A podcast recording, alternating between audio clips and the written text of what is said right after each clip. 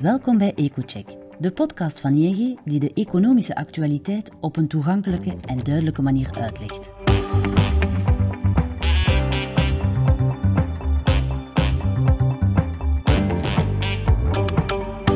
Om de twee weken buigen onze economen zich over de meest besproken gebeurtenis en analyseren zij de economische en financiële gevolgen voor u of uw onderneming. Vandaag is uw gastheer Peter van den Houten, hoofdeconoom bij ING België. Welkom in deze nieuwe aflevering van EcoCheck. In de vorige aflevering van de podcast hadden we het over de Belgische vastgoedmarkt. De stijgende hypotheekrente dreigt een rem te zetten op de sterke prijshoogte die we de voorbije jaren hebben gezien. Intussen zijn er ook nog andere activa die hinder ondervinden van de oplopende rentevoeten. En dan denk ik in de eerste plaats aan de aandelenmarkten die dit jaar al heel wat tegenwind te verduren kregen. Vandaag ga ik het dan ook hebben over de slabakkende beurzen en of er hoop op beterschap is.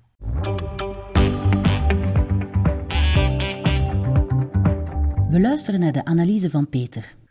2022 is voor de aandelenbelegger een jaar om snel te vergeten. Sinds het begin van dit jaar uh, verloren zowel, zowel de Amerikaanse als de Europese beurs bijna 20%. En er is natuurlijk ook heel wat tegenwind. De oorlog in Oekraïne en de energieschok doen meer en meer vrezen dat Europa in een recessie terechtkomt. Misschien zijn we daar nu al, maar ook de rest van de wereld riskeert op zijn minst een forse groeivertraging. Het Amerikaanse pakjesbedrijf FedEx, dat als een goede graadmeter wordt gezien van de wereldwijde conjunctuur, meldde een forse vertraging van de activiteit sinds augustus. Het woord recessie begint dan ook meer en meer op te duiken in de pers. Een krimp van de economie gaat echter meestal ook gepaard met een terugval van de bedrijfswinsten. Lager verwachte bedrijfswinsten leiden dan op hun beurt ook meestal tot lagere aandelenkoersen. Maar er is ook nog een andere groot obstakel voor de aandelenmarkten, namelijk de stijgende rente. Als de rente heel laag is, komt een belegger automatisch bij de beurzen terecht als hij wat meer rendement wil genereren. Maar bij hogere rentevoeten wordt die keuze minder evident. Alles wat dan ook maar doet vermoeden dat de rente omhoog gaat, is dan ook slecht nieuws voor de beurs. Toen recentelijk de Amerikaanse inflatiecijfers uitkwamen en die bleken hoger dan verwacht, leidde dit onmiddellijk tot een terugval van de beurs, omdat beleggers ervan uitgaan dat een hoge inflatie de Amerikaanse centrale bank nog tot een pak meer renteverhogingen zal aanzetten. In deze omstandigheden is het niet verwonderlijk dat de beleggers eerder bezorgd zijn en de beursevoluties met een bang hartje opvolgen. Zo staat de ING beleggersbarometer, die het vertrouwen bij de Belgische particuliere belegger meet, al sinds zes maanden onder zijn neutrale niveau, wat erop wijst dat de beleggers eerder met argwaan naar de financiële markten kijken. De vraag van 100 miljoen is natuurlijk wanneer er zich opnieuw een opwaartse beurstrend zal aandienen. De groeiperspectieven zijn niet rooskleurig, dat weten we. En de centrale bankiers lijken toch nog zeker tot het einde van dit jaar te willen doorgaan met renteverhogingen om de inflatie opnieuw onder controle te krijgen. En de oorlog in Oekraïne is, ondanks het huidige succes van het Oekraïnse tegenoffensief, nog niet van de baan. Dus dat klinkt voorlopig allemaal niet als veel steun voor de aandelenmarkten, integendeel. Men mag echter nooit vergeten dat aandelenmarkten voorop lopen. Ze anticiperen wat er later zal komen. Zo blijkt dat de aandelenmarkten in het verleden het slechter deden in het jaar voor de recessie dan tijdens de recessie zelf. Het is dan ook belangrijk te weten in hoeverre beleggers al rekening houden met een recessie.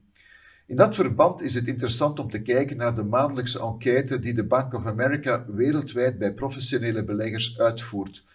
Daar worden aan fondsbeheerders een heleboel vragen voorgelegd met betrekking tot hun verwachtingen en de manier waarop ze op dit ogenblik beleggen. De september-enquête had enkele opvallende resultaten in petto. Zo blijkt dat bijna driekwart van de professionele beleggers een economische groeiinzichting verwachten in de komende twaalf maanden. Dat schommelt rond het hoogste percentage sinds de enquête startte in het begin van de jaren 90. Liefst 68% van de ondervraagden achter recessie nu zeer waarschijnlijk. Een recordpercentage fondsbeheerders zegt dan ook dat ze het deel aandelen in de portefeuille tot onder een normaal niveau hebben teruggebracht en heel wat cash aanhouden op dit ogenblik. Maar, maar als iedereen zijn portefeuille al heeft aangepast in het licht van een nakende recessie, gaat er dan nog veel veranderen wanneer die recessie werkelijk zichtbaar wordt? Dat kan jammer genoeg niet met zekerheid daar kan jammer genoeg niet met zekerheid worden op geantwoord. Er kunnen nog altijd onverwachte dingen gebeuren die nog voor meer onheil zorgen op de beurs. Maar wat we ook weten is dat er waarschijnlijk al heel wat slecht nieuws in de koersen zit. Betekent dit dat we dan maar allemaal massaal aandelen moeten gaan kopen? Dat is misschien wat kort door de bocht. Het is uiterst moeilijk om de markten precies te timen. Bovendien zijn de financiële markten op dit ogenblik nog altijd heel volatiel, waardoor een belegger beter geleidelijk kan instappen. Dit wil zeggen op regelmatige basis met kleine beetjes in de beurs stappen. De geschiedenis lijkt alvast de lange termijn belegger gelijk te geven. Wie gespreide portefeuille van aandelen had gekocht op de vooravond van de financiële crisis, dus dat was net voor de beurzen meer dan 50% corrigeerden, wel, die kwam na tien jaar financieel toch nog altijd beter uit dan iemand die zijn geld op een spaarboekje had laten staan. Vandaar dat het natuurlijk altijd belangrijk is om enkel met geld te beleggen dat men voor meerdere jaren kan missen.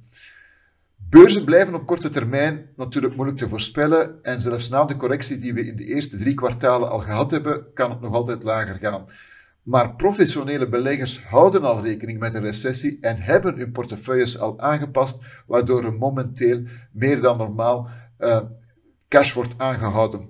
Dus dat betekent dat er al veel slecht nieuws in de beurskoersen zit en er momenteel cash aan de zijlijn staat die vroeg of laat terug zal moeten worden belegd. En weet ook dat in het verleden de aanloop naar recessie meestal slechter was voor de beurzen dan de recessie zelf. Dat is alvast iets waar de aandelenbeleggers zich kunnen aan optrekken. Zo, dat was het weer. Bedankt om te luisteren en graag tot de volgende keer. Zo, dit is het voor vandaag. Bedankt om te luisteren naar deze aflevering. Aarzel niet om onze EcoCheck podcast te volgen, zodat u geen enkele aflevering hoeft te missen. Wilt u meer weten over economisch en financieel nieuws? Ga dan naar ing.be-mijn-nieuws en ontdek alle analyses van onze econoom.